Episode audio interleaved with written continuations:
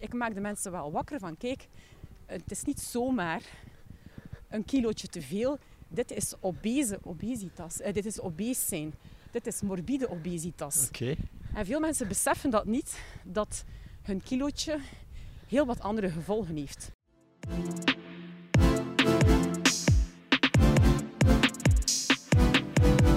Hallo en welkom voor een nieuwe 10.000 Stappen podcast. In deze aflevering ben ik gaan wandelen met Lies Helsloot.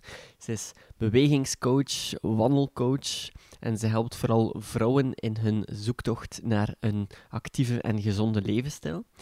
Zij is ook auteur van het boek Wandel je slank en gelukkig. We gaan samen wandelen in Waregem en ik ben zeer benieuwd naar haar verhaal en naar haar tips en tricks om nog beter en actiever te kunnen leven. Tell everybody I'm on my way. New friends and new places to see. With blue skies ahead, yes, I'm on my way. And there's nowhere else that I'd rather be. Goedemorgen, eh, Lies. Goedemorgen Bart. Het is al een beetje later in de ochtend. Ja. Ik weet niet hoe laat jij opstaat. Voor mij is het al bijna middag. Juist, je vertelde daarnet dat je vanmorgen ook al een toertje gaan wandelen eh, bent. Ja, ben je en- vanmorgen al gaan wandelen? Ja, hè? of Ik ik, la- ik las ga- op mijn LinkedIn of zoiets dat je... Om laat, om laat ben je dan opgestaan vanmorgen? Eh, ik ben opgestaan eh, tussen eh, iets na half zes, denk ik. Ehm, en dan ben ik gaan wandelen met mijn hond, doe ik altijd 's morgens. En ik heb deze morgen, door vroeg op te staan, een meteoriet zien vallen. Ah, wauw. En ik dacht dat het aan mij lag. Eh, ik dacht dat ik ze zag vliegen, omdat het een- in het vroege ochtenduur was. Maar effectief in het nieuws daar straks zei men dat er meteorieten aan het vallen waren. Dus Oh, ik heb zalig. geluk gehad. Ja, ik zou mezelf niet kunnen voorstellen hoe dat, dat eruit ziet. Of hoe moet, hoe moet ik dat... Een eh, vallend lichtpuntje, echt iets eh, dat oplicht in de lucht en dat gewoon schuin eh, ja, naar beneden vliegt. Oké. Prachtig. Kijk, terwijl wij nog allemaal lagen te slapen, heb jij weer al iets fantastisch meegemaakt. En zo zie je elke morgen wel iets. Ja. Oké, om daar direct mee, mee verder te gaan. Je gaat elke ochtend wandelen. Ik probeer heel vroeg op te staan. Tussen 5, 5 uur 30, 6 uur is meestal mijn normale uur. Maar dat wisselt wel een beetje. Er zijn seizoenen waarin ik het prettiger vind om heel vroeg op te staan. Waar het ja, het al een beetje licht is morgens. En er zijn natuurlijk, zoals bij iedereen, ja, weken waarin dat regent. Minder leuk is om naar buiten te gaan. Dan ga ik soms iets langer in mijn bed blijven liggen. Maar toch meestal tegen 6 uur ben ik beneden. Maar dan ga ik een wandeling doen met mijn hond. Ik heb nu een hond. Vroeger had ik dat niet. Welke, welk ras? Eh, een galgo, Spaanse windhond. Oké. Ja, ze is nu net een jaar bij ons. We hebben haar geadopteerd uit Spanje, uit een asiel. En ze is nu een jaartje bij ons. Dus ze is eh, geacclimatiseerd bij ons. Maar die moet natuurlijk uitgelaten worden, want ik heb geen tuin.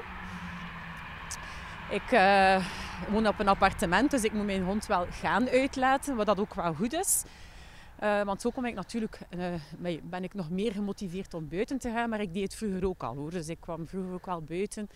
Omdat de ochtenduren gewoon heel prettig zijn om buiten te komen. Hoe vroeger je opstaat, hoe rustiger is het, is op straat. Zelfs eh, waar ik woon in het midden van de stad, is het eigenlijk vrij rustig. Ehm, en het voordeel is ook dat je op een heel andere, dag, eh, een heel andere manier aan je dag begint. Voor de mensen, voor de luisteraars die jou niet kennen, stel jou eerst een keer voor wie ben jij en wat doe jij allemaal? Oei, dat, eh, dan gaan we lang bezig zijn, oké. Bart, want eh, ik doe ontzettend veel dingen. Dus ik ben eigenlijk niet echt alleen maar wandelcoach. Ik, ben, ik omschrijf mezelf als gezondheidscoach, ehm, influencer, auteur van twee boeken. En ik ben ook ondernemer. Eh, ik heb twee bedrijven. Ik heb mijn Take You Time Health Coaching. Maar daarnaast ben ik ook de oprichter van het Belgische luxe haarborstelmerk Delphin Emerance. Oké. Ik las op jouw LinkedIn dat je ook nog voor Stad Gent gewerkt hebt. Ja, inderdaad. Eh, ik ben eigenlijk eh, na mijn studies politieke en sociale wetenschappen, bestuurskunde, eh, ben ik eigenlijk nooit aan de slag gegaan met mijn diploma. Omdat ik zo in het begin mijn draai niet vond op de arbeidsmarkt als 22-jarige. En dan ben ik wat beginnen zoeken. Ben ik uiteindelijk eigenlijk zelfstandig geworden op vrij jonge leeftijd. Op mijn 23e heb ik een restaurant overgenomen, een gezondheidsrestaurant in Gent. Eh, helemaal groen achter de oren, daar hangt ook een heel verhaal aan vast. Maar ik ben eigenlijk tot mijn, eh, ik denk tot mijn 32e zelfstandig geweest. En toen had ik zoiets van, oké, ik was eigenlijk heel erg moe. Het was een periode dat ik echt uitgeput was, dat, dat ik al jaren op een rollercoaster zat, ook een kindje gehad. eh, en toen dacht ik van, ik ga eventjes een break nemen. Ik ga terug gaan werken bij iemand. Eh, en dan ben ik bij de overheid terechtgekomen, bij Stad Gent, waar ik Europese projecten eh, mee begeleid heb eh, rond duurzame mobiliteit. Oké. Totaal iets anders dan gezonde voeding. Ja, het was een vegetarisch restaurant zeker? Of een vegan? Een Restaurant. Of een eh, ja. Is dat altijd al iets dat jou bezighoudt? Zo gezonde voeding, bewegen? Ja, dat is absoluut de rode draad in mijn leven en ook in het leven van mijn ouders geweest. Ehm, ik heb in mijn jonge jaren heb ik het geluk gehad om te mogen opgroeien op eh, toch wel een kleine, zelfvoorzienende boerderij. Niet tegenstaande mijn vader tandarts was. en mijn moeder is pianiste, of Ja. was pianiste, ze is er niet meer.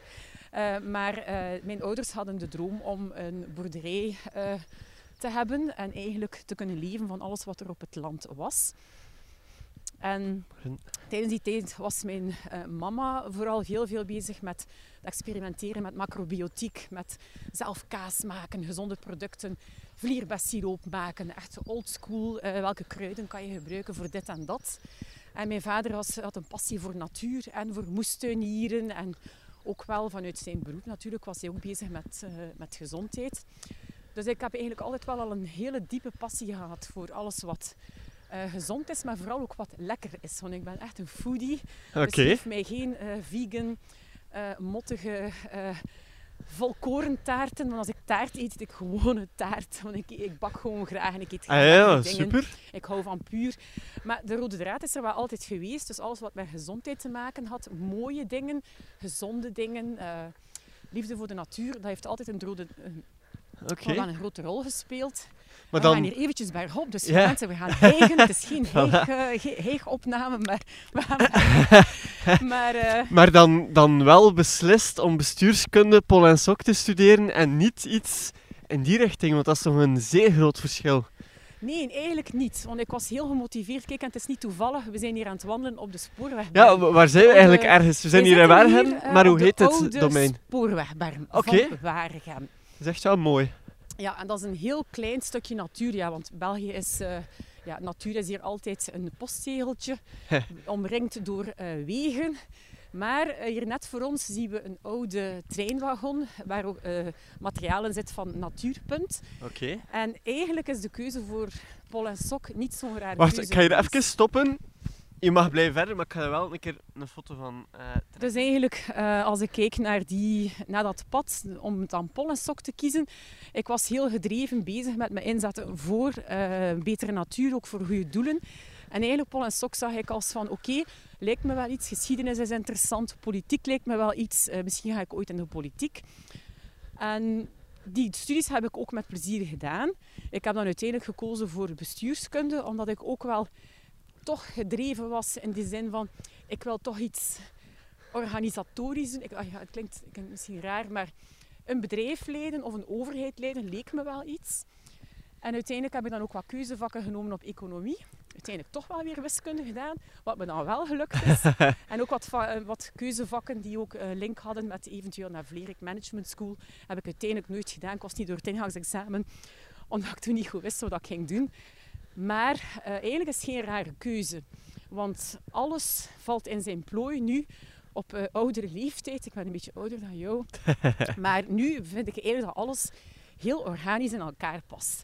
Want wat ik toen gedaan heb, Pol en Sok, naar, ik heb een stukje in een overheid gewerkt, een tijdje als onderbreking. Maar heel mijn leven is er een rode draad van, ik wil iets terug doen voor de maatschappij.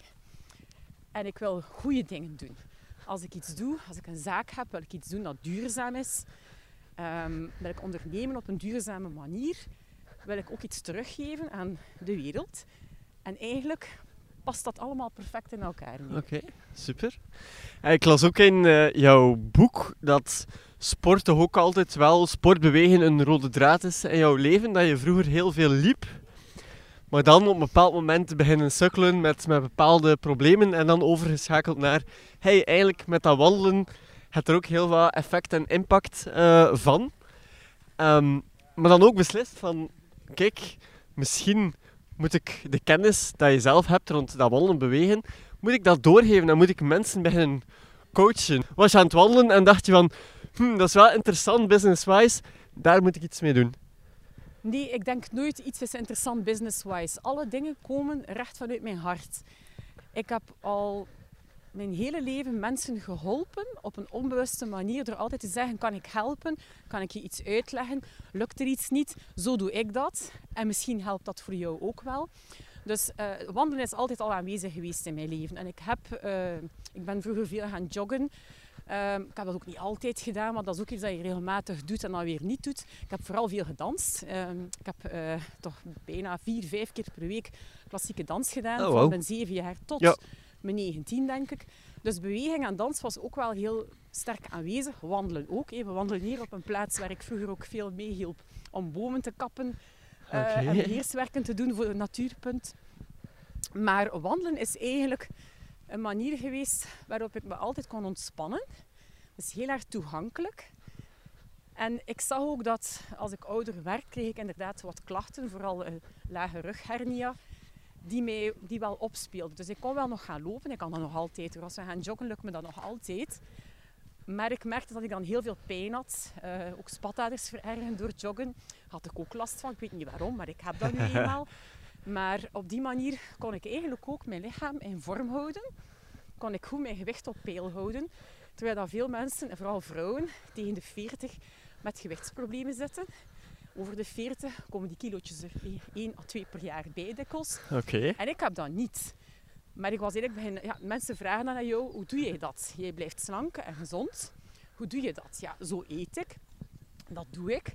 Die soort oefeningen doe ik. Ik ga wandelen. En eigenlijk help ik altijd spontaan eerst mensen. Net zoals met mijn eerste boek over gezond haar. was ook een eigen probleem dat ik had. Dat ik zelf opgelost had. En dan vroegen mensen, hoe heb je dat gedaan?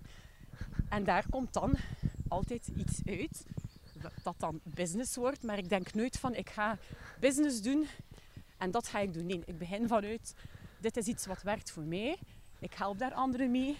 En dan heb ik zoiets van, ja, tja, dat wordt eigenlijk vanzelf een business. En hoe heb je dat toen concreet aangepakt? Eigenlijk heel organisch. Gewoon door inderdaad mensen te beginnen helpen, gratis. Eh, gratis beginnen coachen. Op verschillende vlakken. Anders eten, anders bewegen, oefeningen doen, tips geven. En daaruit begon ik dan te, eh, van daaruit begon ik eigenlijk te zien, van daar kan ik eigenlijk ook iets mee gaan doen. Ehm, en dan heb ik gewoon eigenlijk heel recent de stap gezet naar, om daar een business van te bouwen. Heb ik eigenlijk, ben ik beginnen doen in het begin van de eerste lockdown. Ben ik beginnen nadenken, oké, hoe kan ik daar iets mee doen? Hoe kan ik dat in een programma gieten? Ben ik één op één nog verder gaan coachen. Nu niet meer gratis, maar wel tegen betaling. En ook een groepstraject ontwikkeld, waar, eh, vrij recent. Maar dat zijn eigenlijk allemaal zaken die vrij recent ontpopt zijn. En zo een Facebookgroep, ja, die maak je ook niet van vandaag op morgen. Eh, net zoals Overnight Success, ook allemaal dikke zever in pakjes is van ondernemers die zeggen, "Ja, ik heb 3 miljoen verdiend, ik ben gisteren begonnen en ik heb dat vannacht verdiend, ja, ik nee, daar tuurlijk. niks van. Nee, Daar zit altijd niet. een proces achter dat jaren sluimert of tot ontwikkeling komt, waar je in één keer ziet van, zo moet ik het doen. En zo, ehm, hoe moet ik dat zeggen, zo raak ik de harten van de mensen, waardoor men zegt, dat wil ik met jou samen doen, of dat product wil ik van jou kopen, omdat mensen voelen dat daar een ziel in zit. En over dat wandelen zelf, wat is voor jou persoonlijk zelf de grootste drijfveer? Hoe komt dat je dat blijft volhouden? Eh, wel, eerst en vooral, ehm, het woord volhouden hoor ik niet graag. Want als je spreekt over volhouden, dan heb je eigenlijk niet goed gesnapt waar het leven over gaat en waarom je moet gaan bewegen. Ehm, eigenlijk komt alles neer op één principe dat ik ontwikkeld heb in mijn eerste boek over haar, Take You Time. En Take You Time is letterlijk tijd nemen voor jezelf. Want als je geen tijd neemt voor jezelf om voor jezelf te zorgen, dan kan je ook niet zorgen voor anderen. Kan je geen bedrijf oprichten. Kan je geen 10, 12 uur per dag als ondernemer werken. Heb je minder creativiteit. En ben je niet, niet in je element om dingen te gaan bewegen in de wereld. Algemeen. Als je tijd neemt voor jezelf, dan moet je eens gaan nadenken van ja, hoe kan ik meer tijd nemen voor mezelf? Hoe kan ik zorgen voor mezelf? En dat is heel erg belangrijk. Ik werk heel veel. Ik zie dat ook bij andere mensen, dat iedereen heel veel werkt. En dan moet je eens gaan nadenken van, is dit het leven? Werken, werken, werken.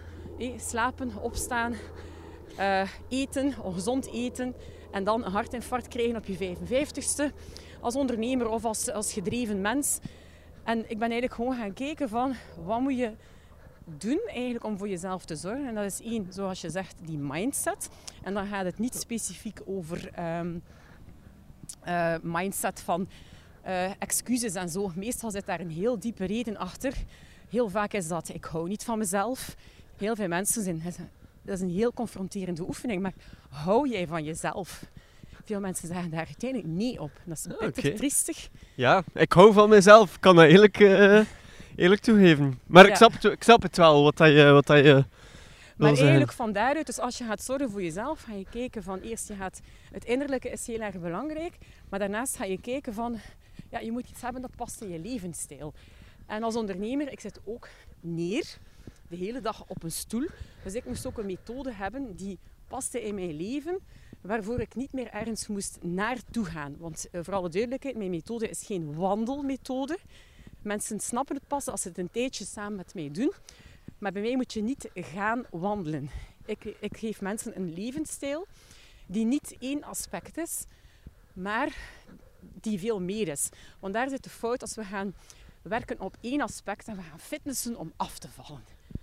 Dan heb je maar één aspect. Want zolang die mens achter de kilootjes niet mee is in het hart en in het hoofd, dan is dat een zeer oppervlakkige oplossing voor een uiterlijk probleem. Een probleem dat zich manifesteert echt puur in het materiële. En als je daar dieper gaat en je gaat iemand, je gaat jezelf helpen op alle aspecten, dus zowel je, de mens achter de kilootjes of achter een gezondheidsprobleem, de mens achter een bedrijf of achter een functie op het werk, en dan daarbij een aantal stapjes toevoegen van oké, mijn lichaam moet sterk zijn om die mens aan de buitenkant ook gezond te maken. Je moet oefeningen doen, je eet gezond, je gaat wandelen, je zet meer stappen doorheen de dag. Maar als je eerst aan die mens werkt, dan gaat de rest niet aanvoelen als volhouden. En dat is eigenlijk een heel belangrijke factor erin. Je moet eerst aan jezelf werken en dan komt de rest vanzelf. Want dat ben ik me eigenlijk beginnen afvragen, zeker de laatste maanden. Eh, ik ben iemand die bezig is met nadenken over jezelf en werken aan jezelf, maar echt je diepere zelf. Om omdat je vanuit je diepere zelf, alles wat je denkt en waar je mee bezig bent in je hoofd en je hart, zijn ook de dingen die je manif- manifesteert in je leven. En dat valt ontzettend op als je werkt met mensen, ook als je heel eerlijk over jezelf nadenkt, waar je over denkt, wat jouw gedachten zijn, dat manifesteert zich in je gezondheid, in of je gaat sporten of niet sporten, ehm, in je succes op het bedrijfsvlak en dergelijke. En eigenlijk heb ik daar gezien, wat alles wat met gezondheid... Oh, u zeg viel dat niet hè. Ja, ik was al bijna verongelukt hier. eh, Ik hoop dat je verzekering hebt. ja. Eh, maar eigenlijk als je... eh, ik zag eigenlijk van mezelf dat ik op gezondheidsvlak altijd gezond ben. Slank, gezond en dat ik daar weinig problemen mee heb. Omdat ik ook nooit denk van ik ben ongezond. Of ik ben, eh, ik ben te dik. Of oei, ik ga ziek worden. Of oei, oei, oei, er is een pandemie. Ik ga zeker eh, zware, eh, zware gevolgen oplopen als ik corona krijg bijvoorbeeld. Ik denk zo niet. En eigenlijk doordat ik op een andere manier denk over mijn gezondheid, manifesteert zich dat ook aan de buitenkant. En is het voor mij ook niet moeilijk. Ik moet niets volhouden. Want ook als je mijn methode juist aanleert, moet je niets volhouden. Oké. je moet hem juist aanleren. Ja. Maar wat zeg je dan tegen mensen met een, een kilootje meer, maar die zichzelf wel aanvaarden zoals dat ze zijn? Ja, die zich goed voelen in, in hun vel. Ik kan niemand helpen als mensen zelf niet willen iets doen. Je kan onmogelijk iemand helpen die niet 100% gelooft waarom ze het moeten doen. Ja. En dat is ook iets wat je moet wakker maken bij mensen. Dat heb ik ook, doe ik regelmatig in mijn gratis workshopweken. doe ik ook in mijn boek. Dat is mensen er op patent maken dat een maatje meer, en dan heb ik het niet over de perfectie, want ik haat al die perfectie en de Instagram pictures van die Absoluut, sexy babes die Ja. een, een gat hebben dat nog perfect omhoog hangt, maar mijne hangt niet meer zo hoog als van die dames. ik heb zoiets van, dat interesseert mij ook echt niet meer. Maar ik zie wel dat veel mensen het wegmoffelen. De mode doet dat ook, want we promoten in de mode broeken met een grotere taille. Waarom? De broeken zijn veranderd. Eh, mensen hebben een buikje. Buikje is visceraal vet, is gevaarlijk vet. Maar ik maak wel de mensen wakker Van kijk, het is niet gewoon ik heb maatje zoveel van kledij, maar dat er wel heel ernstige gevolgen aan zijn, die ook jouw levenskwaliteit serieus onder druk zetten omdat als je op een bepaald moment met gezondheidsproblemen te kampen krijgt door overgewicht, en veel mensen hebben overgewicht en obese overgewicht, zelfs als ze het niet weten, dan heb je ook wel op een bepaald moment verlies aan levenskwaliteit. Kan je je dromen niet meer realiseren, kunt u je bedrijf niet meer runnen, kunt u een job niet meer goed doen, ben je er niet voor je kinderen of kleinkinderen. Maar ik maak de mensen wel wakker van, kijk, het is niet zomaar een kilootje te veel. Dit is obese obesitas. Eh, dit is obese zijn. Dit is morbide obesitas. Oké. En veel mensen beseffen dat niet, dat hun kilootje heel wat andere gevolgen heeft. Ja. Maar zolang dat ze dat niet inzien en dat dat besef niet komt en dat ze zeggen van ik wil daar iets aan doen, kan je ook iemand niet helpen. Want dat zijn al de mensen die tijdelijk een kilootje kwijt willen, een shake dieet gaan volgen, heel veel afvallen en het dan weer dubbel dik bijkomen. Ja. Het moet van binnen komen. En de valkuil bij heel de gezondheid is ook natuurlijk, dat is iets op lange termijn. Hè? Die is veel vroeger. Eh, je wil niet weten hoeveel mensen van, eh, hoeveel tieners, 20 jaar, en mensen in de 20 en de 30 zijn, met een pak zeer ongezonde kilootjes, die met ons geen wandeling kunnen doen, omdat ze buiten adem zijn. Oké. Die eh, verlies aan levenskwaliteit hebben, bijvoorbeeld als je kinderen wilt krijgen. Hoeveel infertiliteitsproblemen zijn er niet? Oké, eh, overgewicht is maar één van de aspecten. Maar als je gynaecologen hoort, is het wel een belangrijk aspect. En we willen allemaal, als we een gezin opbouwen, willen we kindjes hebben. Maar dan beseffen mensen niet dat jouw gezondheid daar een heel belangrijke rol in speelt. Ja. Ook op je werk. Als je niet fit bent en je bent over, hebt overgewicht en je bent heel vaak ziek, je hebt een slechte conditie, maar je wil wel carrière maken, Mhm. je wil bepaal- of bepaalde andere doelen gaan eh, realiseren, maar je bent niet gezond, dat weegt wel. Ja. En op het moment dat jouw kinderen kleinkinderen krijgen, wie ben jij dan? Dat is En waar. daar moet je wel bij stilstaan. Maar ook op Ja. jonge leeftijd heeft dat een grote impact. Want veel jongeren, zij wandelen met mij, kunnen ze niet mee. En dan sta ik ervan versteld dat niemand daar iets aan doet. Veel ouders geven ook het foute voorbeeld aan hun kinderen. Dus eigenlijk als ouder moet jij echt het voorbeeld voor je kinderen zijn. Walk the talk. Doe het eerst zelf. Maar kijk ook echt met open ogen naar de realiteit. En veel tieners zijn veel te zwaar. Vooral in de gevaarlijke zone rond de buik. Moet je maar eens kijken. Eh, de blote buiken t-shirts, eh, die kunnen heel veel jongeren, die dragen veel jongeren niet. En dan heb ik het niet over het esthetische aspect, maar vooral over dat gevaarlijke aspect van dat buikvet. Dus tien, in de, eh, tieners of twintigers, maakt niet uit, maar dat is even belangrijk. Ik heb een dochter van eh, net geen 15, Oké. maar uiteraard is zij opgegroeid in een gezonde omgeving. Ik heb altijd het voorbeeld gegeven. Ik was altijd fysiek actief. Mhm. Wij eten gezond. Wij drinken geen cola light bij het eten, zoals heel veel jongeren. Ja. Wij eten niet elke dag chips. Ja. Er is gewoon geen snoep in huis bij ons. Oké. Eh, er zijn geen koeken. Ehm, wij drinken water als we dorst hebben. We drinken Ja. veel water. We drinken kruidenthee. Ja. Maar mijn dochter is daarmee opgegroeid. En ik hou dat nog altijd aan. En eigenlijk door zelf het voorbeeld te geven, zien tieners ook wel het verschil tussen een mama die gezond leeft Mhm. en zijzelf die gezond leven en het verschil met de mama's van andere kinderen en andere kinderen die al gezondheidsproblemen, diabetes bijvoorbeeld hebben, heel vaak. Dus mijn dochter ziet wel het belang in van die gezonde voeding, doordat ze het ook gewoon is van thuis uit en voelt zich ook niet lekker als ze rommel eet, omdat haar lichaam zegt van dit is niet wat jij nodig hebt. Maar naar beweging toe ja, zijn tieners, zeker nu in de, tijdens de pandemie, was het voor mij wel een uitdaging om haar buiten te krijgen. Ik denk dat veel tieners wel een beetje te kampen hebben gehad met zo'n gevoel van ik zie het niet meer zitten en waarom zou ik naar buiten gaan, maar ik mag toch niks doen. Dus ik moet wel eerlijk zeggen, het buiten krijgen is voor mij wel een uitdaging. Maar als we buiten zijn, wandelt ze wel graag. Maar ik, wil vooral, ik denk dat het vooral belangrijk is dat tieners hun eigen fysieke uitlaatklep vinden. In, al is het dansen of iets anders of zo. Maar ja, probeer het eerst en vooral het zelf te doen. Want wat heeft het voor zin dat je kind stimuleert om te sporten als je zelf de hele dag op je stoel zit, alles met de auto doet, s'avonds in je zetel ploft en drie uur naar Netflix kijkt en dan vraag je aan je kinderen om te gaan bewegen. Ja, dat is vrij logisch. Hè. Als ik gewoon een, een gemiddelde dag op het werk neem, met veel vergaderingen, dan zie ik, ik kom thuis, duizend, maar duizend stappen gezet bijvoorbeeld, of maar 2000 stappen.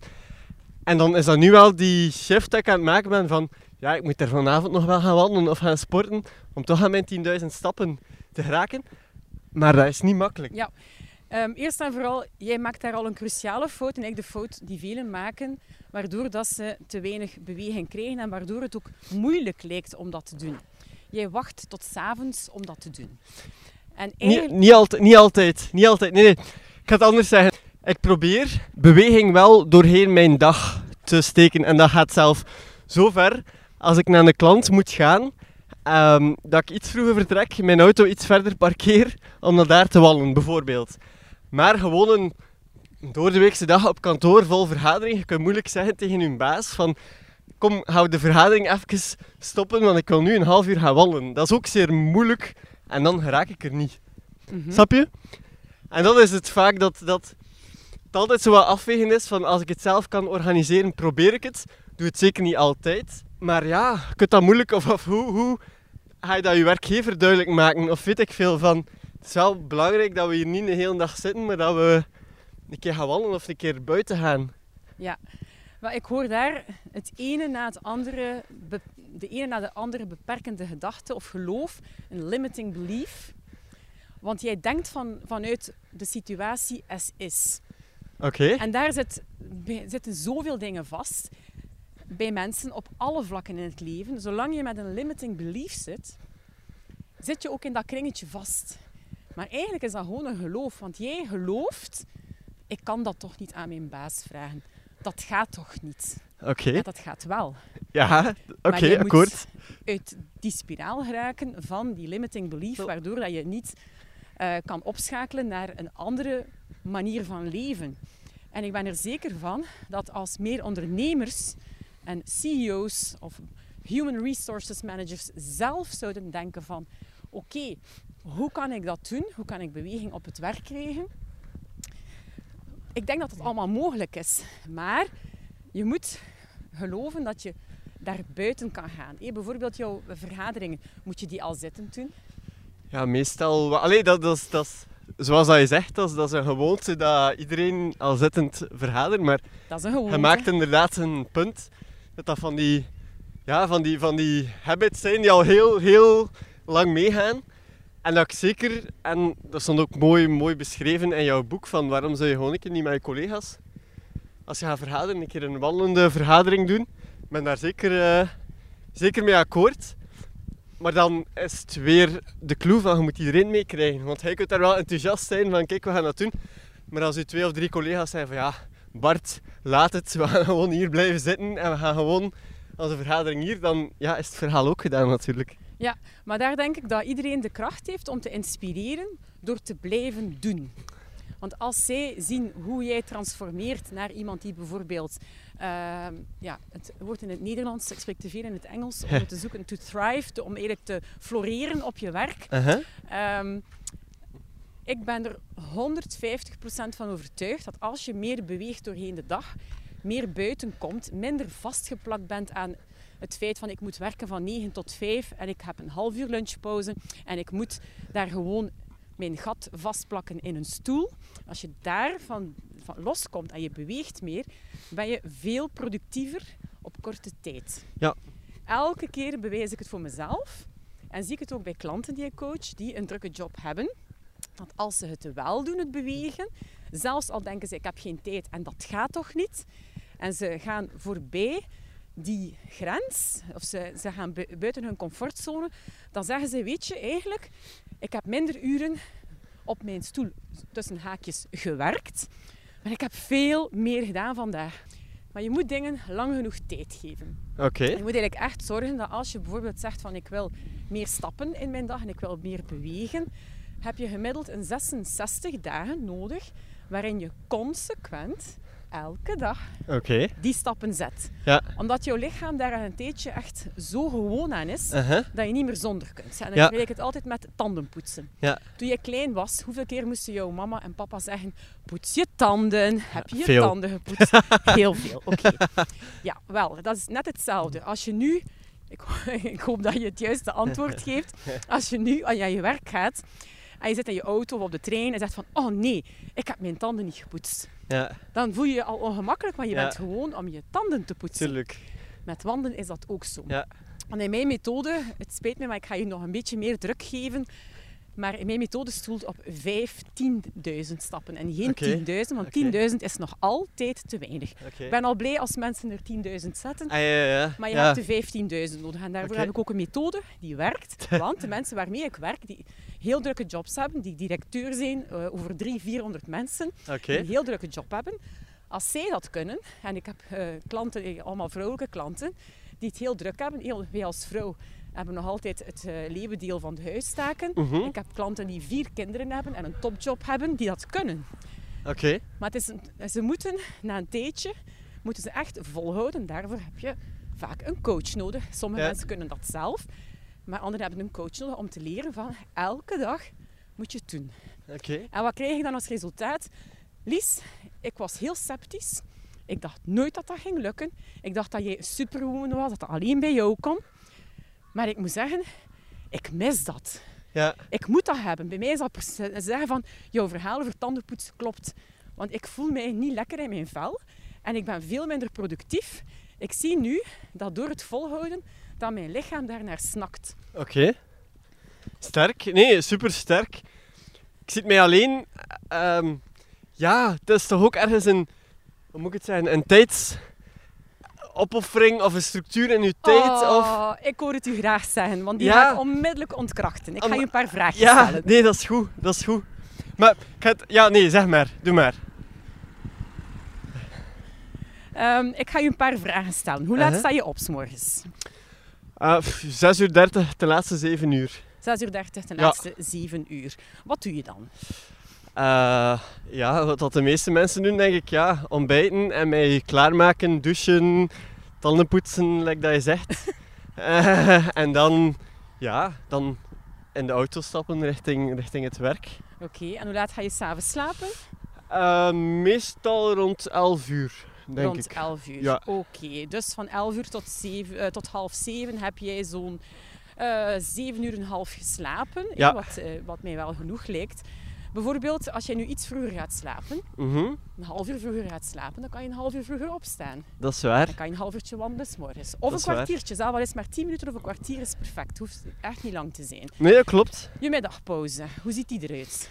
Eh, dat is meestal ja, pff, tussen een half uur en een uur dat ik kan nemen. Eh, maar dan eh, ga ik wel effectief wel wandelen. Dan ga middag. wandelen. Ja, en dus dan dat doe- eerst eh, een kwartiertje ja, eten en dan probeer ik altijd wel een 5000 stappen eh, te zetten in mijn middag. Dan ben jij al een schoolvoorbeeld daar. Dan heb jij al de opportuniteit gezien van ik plak mijn gat niet van op mijn Nee, werkstoel Nee, naar de kantinestoel ja, om nee, weer zitten te eten. Zeer goed, dat is al een goede reflex. Ja. En dan s s'avonds bijvoorbeeld als je thuis komt. eh, hoe laat ben je meestal thuis? Ja, dat hangt... Dat, dat is een moeilijke natuurlijk, omdat je hebt s'avonds nog andere dingen. Zijn het, zijn het hobby's? Ik zeg maar iets, ja, nu in corona is dat, is dat minder, maar ja, je muziekschool of je sport, of je gaat nog een keer naar familie of naar vrienden, en dan is dat moeilijk om dan, ja... Stel je voor dat ik gewoon van thuis, ik stop meestal 5 uur, 5 uur 30 op het werk, ben ik meestal, als ik niets te doen heb, rond 6 uur kwart na 6 thuis. Ja. Dus dat is een normale dag zonder, zonder, zonder andere plannen. Ja. Ehm, en dan Zonder is het meestal een kwestie van, van ja, eten maken en mijn eten voorbereiden voor de dag erna nog zo wat huishoudelijke dingen. En dan is het vlug zo ja, 8 uur, 8 uur 30. Mhm. En dan is het wel het ding van, ja, soms ga ik dan inderdaad nog wel wandelen. Omdat ik ben niet zo tv-minded en dergelijke. Maar je hebt daar niet altijd zin in om dat te doen. Snap je? Je hebt ook is- niet heel dag gewerkt. Ai. Ja, maar je hebt een hele dag gewerkt al zittend. Ja, klopt. Ja? Dus eigenlijk, jouw lichaam heeft echt die beweging nodig en ook frisse lucht, of het nu regent of niet, maar je hebt die, die frisse lucht nodig. Dus een van de tips die ik jou kan geven, Als je thuis komt, verander eens die gewoonte van thuiskomen en eerst je eten maken bijvoorbeeld. Dat is zeker iets wat ik aan vrouwen aanraad. Eerst, en mijn principe, kan je, kan je het nog? Wat mijn basisprincipe is? TTT? Nee, Eh, TU. TYT. Take you time. ja, ja, ja, ja. Ga ik thuiskomen en gaan er vier lijken op de grond liggen Nee. die dood zijn van de honger? Nee. Nee. Nee, absoluut niet. Nee, dat is waar. Komt er niet echt op aan. Dus het is gewoon van een, een verandering. En sorry, maar veel vrouwen moet ik wel coachen van sorry, maar het is niet omdat jij vrouw bent dat jij moet eten maken. Want dat zie ik nog altijd bij vrouwen met heel veel potentieel. Dat zijn nog altijd thuis Thuiskomen. Ja, ja, nee, dat snap ik. rap een wasmachine insteken, rap dit, rap dat. dat er, ik ga niet over, ik ben geen mannenhater. hè. Nee, nee, nee, nee, absoluut niet. Maar daar ben ik ook... Ja, allee, als man zijn ben ik daar ook mee akkoord. Dat, dat je als man zeker ook je deel moet doen. En kan ik ook perfect koken als mijn vriendin gaat sporten en dit en dat. Ik ken nu zelf geen kinderen, maar ik ben daar wel mee akkoord dat het, het klassieke, of, of klassieke bouwsteen dat de vrouw de meeste huishoudelijke taken moet doen, ben ik ook niet mee akkoord. Ik denk Ja. dat dat een, gezond evenwicht moet zijn Ik voor denk beiden. dat het inderdaad nog altijd wel spijtig genoeg zo is. En eh, nog, nogmaals, ik ben geen mannenhater, want anders blijf ik mijn hele leven single. En dat is niet de bedoeling. Maar ehm, ik zie, voor het laatst, ik was op Clubhouse. Eh, ik was in Amerika oké, op ja. een Clubhouse, eh, op een room, als ik aan het praten. En ik Ja. werd geïnterviewd en zo. En het viel mij op dat andere dames zeiden... Oh, I'm sorry, sorry I was listening... uh, only part, I only heard part of what you were telling Mhm. because I was doing laundry. I was doing this, I was doing that. It was. Sunday. Het was zondag. Ja, En dan denk ik van, ik heb nog nooit een man horen zeggen ah sorry, maar ik heb eigenlijk maar half kunnen luisteren. Het is super interessant, maar ja, ik ben de was aan het plooien en ben ondertussen mijn peuter aan het eten geven. Dat is een typisch iets bij vrouwen. ja, En pas op, ik betrap er mijzelf ook nog altijd op. Ik sta er alleen voor met mijn dochter, dus ja, ik moet Ja. sowieso alleen doen. Maar ik merk dat dat nog altijd iets is. Dat, daarom take you time. Denk daar gewoon eens over na. Eerst tijd nemen voor jezelf. ja. En dan misschien de vrouwen nog meer dan de mannen misschien. Ja, ja. Oké, ja, dat, dat is een, een, een hele mindshift dat dan Ja. moet veranderen. Maar ja, Alles is mindshift. Mensen die bij mij komen en zeggen, ja, maar hoe doe je dat? Twee bedrijven. En je hebt al een zaak gehad, je hebt die verkocht, je hebt dit gedaan, dat gedaan. Je bent Ja. naar Stad Gent gegaan. Je hebt duurzame mobiliteit gedaan. Ik, kende, ik wist totaal niet hoe een motor eruit zag. Ik heb geleerd hoe ziet een motor eruit, hoe werkt dat, hoe werkt CNG, hoe werkt elektriek, hoe werkt dat. Ja. Dat leer je gewoon. Veel mensen zeggen, ja, maar ik kan dat niet. Ja, dat is ook een limiting belief. Veel mensen zeggen, ik heb geen tijd om bij te studeren, ik werk altijd. Maar ja, kijk dan geen televisie meer en studeer elke avond, al is het een half uur, maar studeer iets. Maar zeven keer een half uur is, als ik nog goed kan rekenen, drie uur en een half, effectief gestudeerd op een week. ja, Dus je kan zoveel, maar altijd als je, als je blijft denken van dat kan niet, ja, dan gaat het ook niet gaan, want je Ja. gelooft dat het niet kan. Maar je kan zoveel, we hebben allemaal zoveel potentieel en er zit zoveel potentieel in de mens. En zoveel mooie mensen die niet tot bloei komen, omdat ze zelf hun eigen grootste barrière zijn. En dat is ook met wandelen en stappen, gezonde voeding, met alles in het leven. Jij bent zelf je grootste barrière om iets te veranderen. oké. Maar boet jij dan zelf op iets in? Ja, ik weet niet hoeveel uur sla- slaap jij per nacht? Ehm, ik, ga, ik probeer te gaan slapen tussen 10 en 11 en ik sta op tussen 5 en 6 uur. Oké. Eh, dus ik heb niet veel slaap nodig, maar doordat ik gezond ben, dat ik gezond eet, dat ik beweeg, slaap ik heel diep. Ja. Dus ik ben ook uitgerust. Oké. En dat doet er heel veel toe, want veel mensen zitten met slaapproblemen. Slaapproblemen leiden tot problemen op het werk, gezondheidsproblemen enzovoort. Eh, ook gewichtsproblemen, Ja. je niet genoeg slaapt. Maar ik, slaap, ik heb daar voldoende mee. Maar ik heb nooit het gevoel dat ik inboet. Dus dat is ook iets wat jij, als ik Allee, jou een tip mag geven, uit je gedachten moet halen. Eigenlijk gaat het niet over zondigen, inboeten, eh, fouten maken. Eigenlijk moet je zeggen, ik kies voor een gezonde salade. Omdat je daarvoor kiest om iets gezond in je lijf te steken. Waarvan dat je ook het effect voelt. Ik voel het effect van een week ongezonder eten.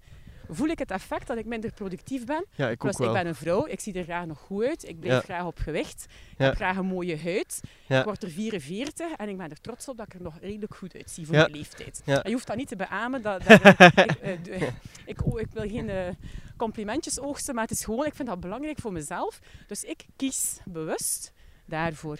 En als ik kies voor chocoladetaart of een koekje, Mm, dan kies, ik, Mm. Ehm, dan kies ik bewust voor, yes, ik ga echt een goed stuk taart eten. Of eh, deze week heb ik pralines gekocht. Ja, Eh, ik eet dat ook, hè, pralines. Ik Ja, ja, super lekker. Maar ik kies daarvoor en ik geniet daarvan. Ja. En wandelen, daar kies ik voor. Ja. Omdat één, het is heel gemakkelijk. Ik doe gewoon mijn wandelschoenen aan onder mijn gewone kledij. Ik ga naar buiten. Ik kan een gesprek voeren met jou. Absoluut. Voilà. Ik kan mensen tegenkomen. Ik luister naar een podcast. Ik ben een eh, intensief trainingsprogramma aan het volgen in de US. Eh, voor eh, or- organic growth van mijn bedrijven. Dus om online groei te genereren. Ik doe dat al wandelend. En dan heb ik al geluisterd naar een sessie. Dan pas ik het toe. En ik ben Ja. veel scherper. Ja. Mijn gedachten zijn veel scherper. Dus ik zie dat als... Ah, ik doe een tractatie voor mijn lichaam, want ik voel me fit, ik ben creatief. Ik leer ondertussen bij, je wil niet weten hoeveel boeken dat ik beluister op jaarbasis. Mensen zeggen, ik heb geen tijd om te lezen, dat is ook een gedachte. Je Ja, hebt nee. dat wel. Je hebt overal tijd om te lezen en bij te, bij te studeren.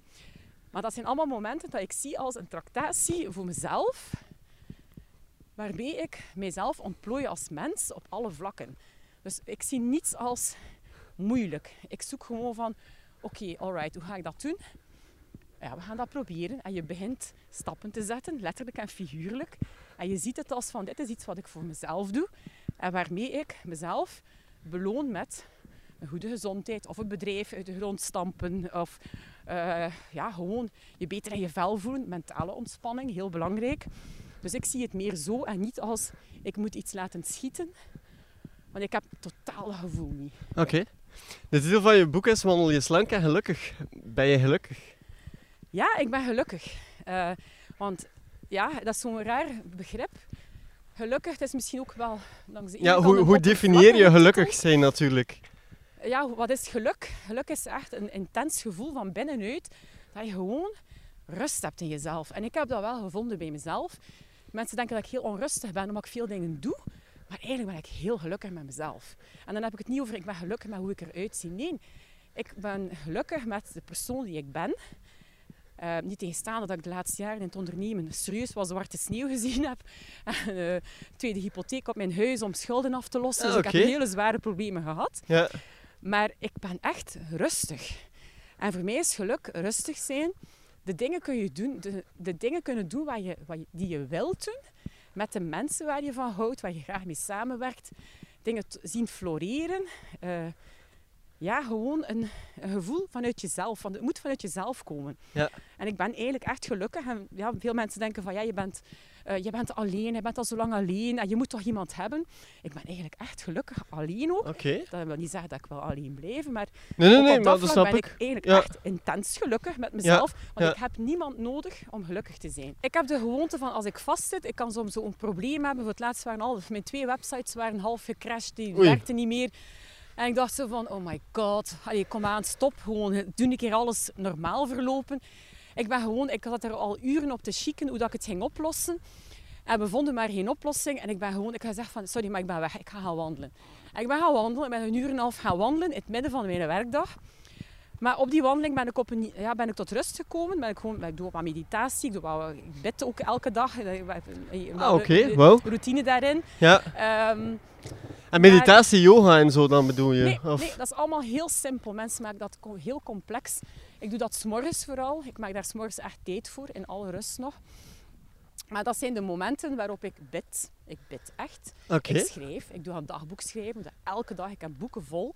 Oké. Eh, maar dat helpt mij. En ook dat wandelen is voor mij dan een moment En daar waarschijnlijk. om... eh, wil je nog wandelen? Of, eh, ja, maakt niet Ja. uit, ja. Dus ja, zeker. Het is aangenaam. Dus, ehm, op die momenten kan ik mij ook ontspannen. Want ik herinner mij nog één moment, dat is een drietal jaar geleden, is mijn mama overleden. Oei. Dat was op een moment, ze is gestorven in, ze is ziek geworden 1 augustus. Oké. Op drie weken tijd is ze gestorven aan een zeer agressieve kanker, waarvan we nooit wisten dat hij er zat. Oké. Dus heel plots, uw mama heeft kanker, wij vielen echt uit de lucht. Drie weken daarna was ze er niet meer. Maar dat was ook het moment Heftig. waarop ik in dat jaar mijn eerste boek uit had. Dat ik de stap had gezet van overheid na die zes jaar terug naar zelfstandig zijn. Mhm. Dus zonder financieel vangnet, want ik ben gewoon gesprongen. Ik had geen centen staan van ik ga een keer een jaar van mijn spaargeld leven, want ik had dat zelfs niet. Oké. Eh, dat was eh, mijn nieuwe boek. Mijn haarborstelmerk Delphin Emerance. Enorm veel kosten. Eh, in mijn huwelijk ging het niet goed. Dus dan is mijn mama ziek geworden. Ik had enorm veel schulden, want ik had een, eh, een, en daar spreek je over, ik ga niet veel vragen over zwarte sneeuw, maar ik denk dat we veel meer moeten spreken over zwarte sneeuw, om eh, ook dat gevoel aan anderen niet te geven van alles is perfect. Eh, hier in België zijn we nog altijd een faillissement als een drama. Nee, in Amerika is dat yes, you are bankrupt. Yeah, you can start a new business. Hier is dat nog altijd een schande. is ik ga eerlijk zeggen, ik heb Ja. toen de keuze gemaakt. Ik had een lanceringsactie gedaan, ik heb veel fouten gemaakt. Ja. Ik zeg de schuld zeker niet op anderen, het ligt allemaal bij mezelf. Ik had niet genoeg geld opgehaald, dus ik kon ook mijn eerste stok niet betalen. Ja, Dus ik heb een tweede hypotheek genomen op mijn huis. En veel ondernemers gaan zeggen, oh, en de boekhouder, oh, mocht dat niet doen? Ja. ik heb dat wel gedaan. Eh, dus ik kan u verzekeren, alles op één jaar, op een paar maanden tijd. En dan mijn mama. En de dag na de begrafenis van mijn moeder had ik een heel groot evenement met Belmodo om mijn borstels en mijn boek te promoten. Yay, smile to the camera. And ja, my mom just Ah, died. Fantastisch. Eh, maar ja, je moet voortdoen. En in die periode ben ik ontzettend veel gaan wandelen.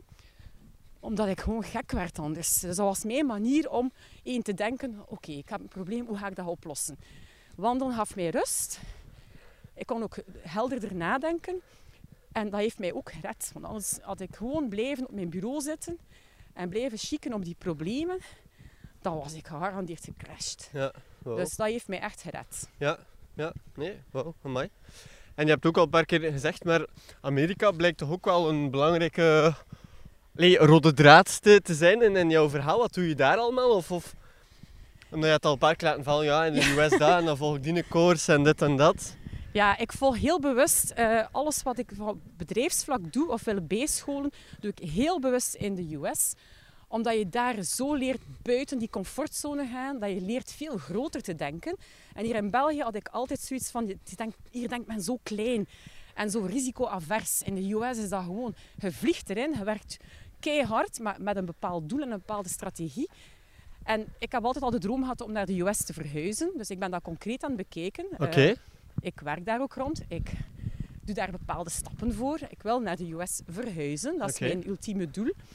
Dus ik ben ja, redelijk US-minded. Ik ben ook ambassadeur van een Amerikaans vrouwennetwerk, waarvan ik de eerste groep in België gestart ben. Ik heb veel vrienden daar, ook gewoon omdat ik, zoals met jou, babbel. ja, En ik ga online en ik babbel en ik ga naar retreats. Ik heb retreats gevolgd bij Jack Canfield bijvoorbeeld oké. heel bekan- bekende coach in de US.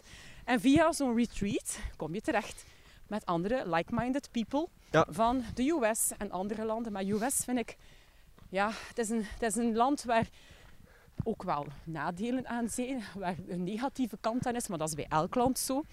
Maar de US, als je werkt met mensen uit de US, kom je echt los en dan heb je zoiets van, ah, kan dat? Kan ik dat? Van mijn computer thuis. Ja, veel, kan. minder, veel minder ongeremd, hè, denk ik, dan ons. Dat wij, allee, zeker hier in Vlaanderen, ons beperken en dat we minder risico's durven nemen. En ik denk dat die Amerikanen veel enthousiaster zijn op veel dingen. En veel innovatiever soms ook zijn in hun business denken. Ja, ze zijn innovatiever, maar ze hebben ook geen schroom om te falen op hun bek te gaan. Ja. En hetgeen wat ik dit jaar vooral geleerd heb, in, in, het is een heel bekend traject van Kelly Roach waar ik in zit.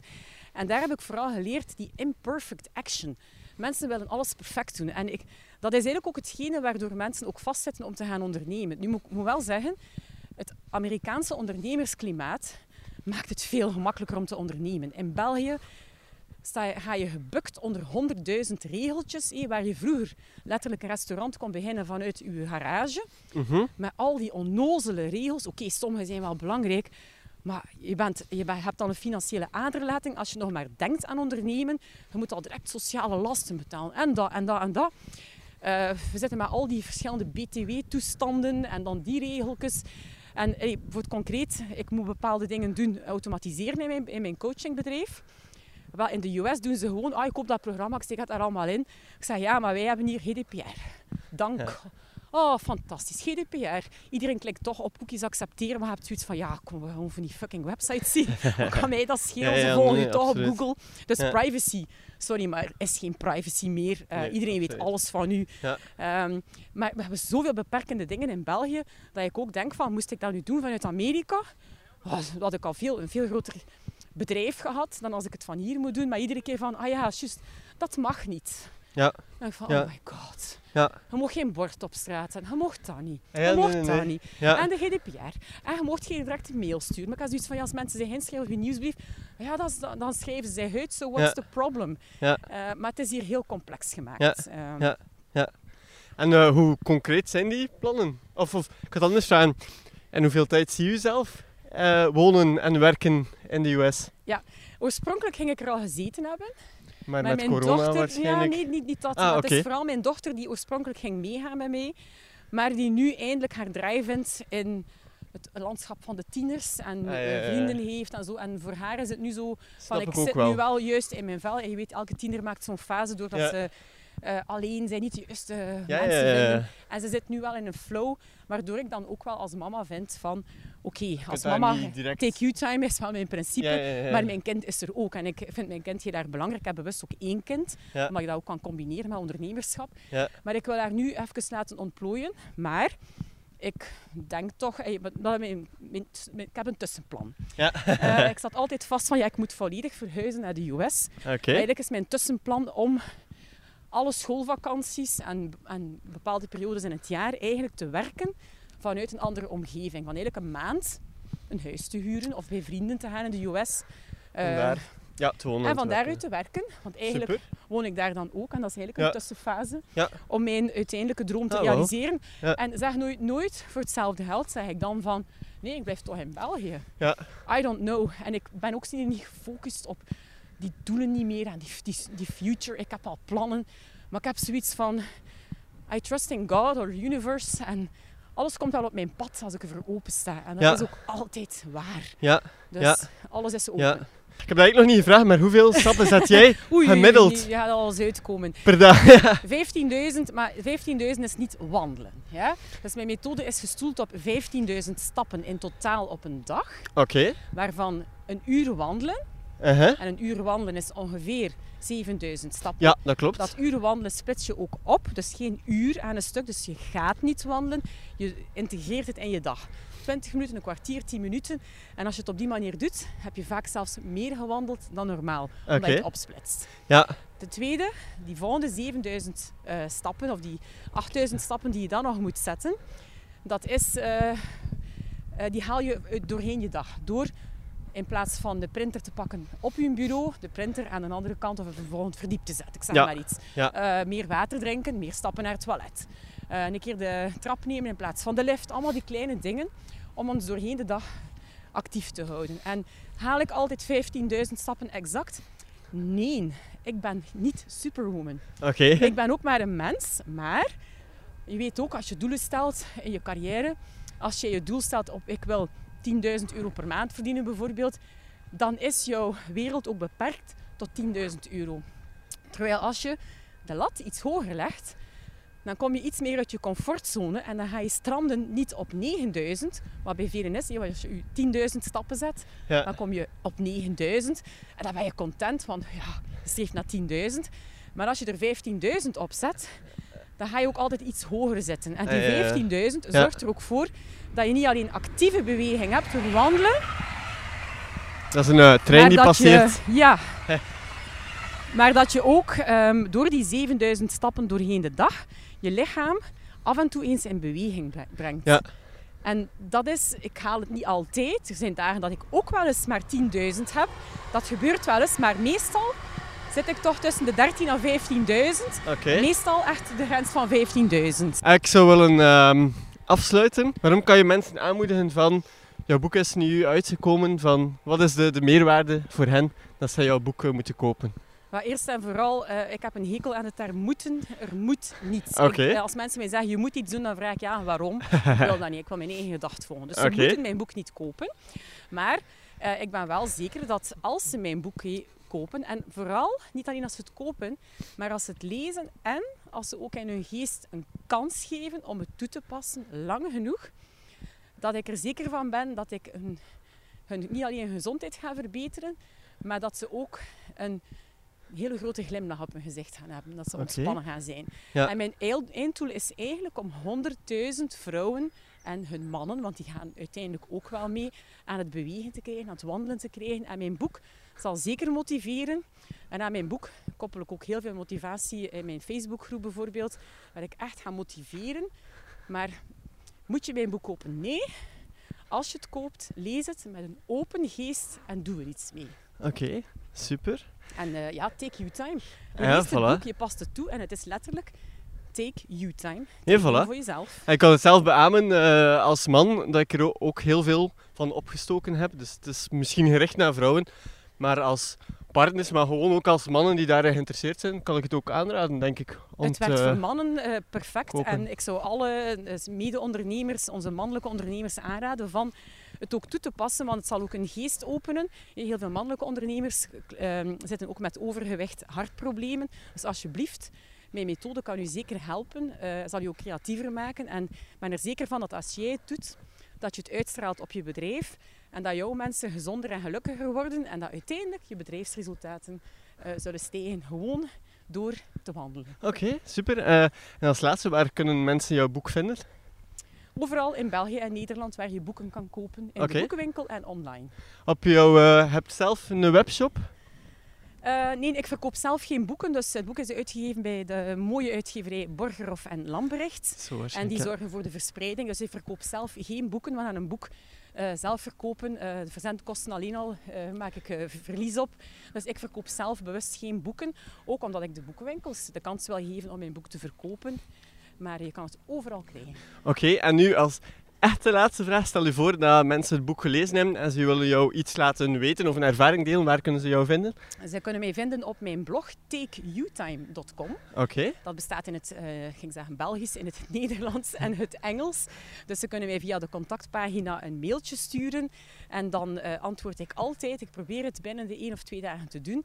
Eh, maar er zijn heel veel mailtjes en berichten de laatste tijd. Maar met veel plezier. Dus op takeyoutime.com of op mijn social media. Take You Time blog op Facebook en Take You Time blog op Instagram. Ook Lies Helsloot, gewoon mijn naam volgen. Dan vind je ook al alles terug. En eh, ja, dat is het zo'n beetje. Dus eh, op alle social media. En ik heb ook een Facebookgroep.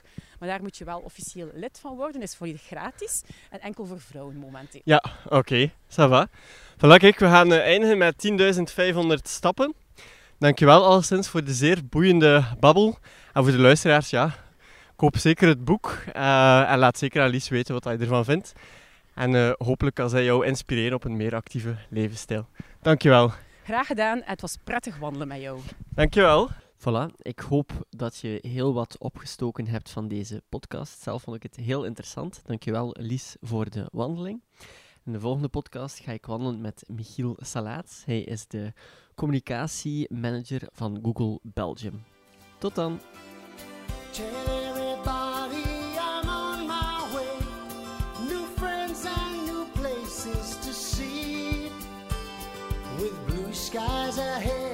some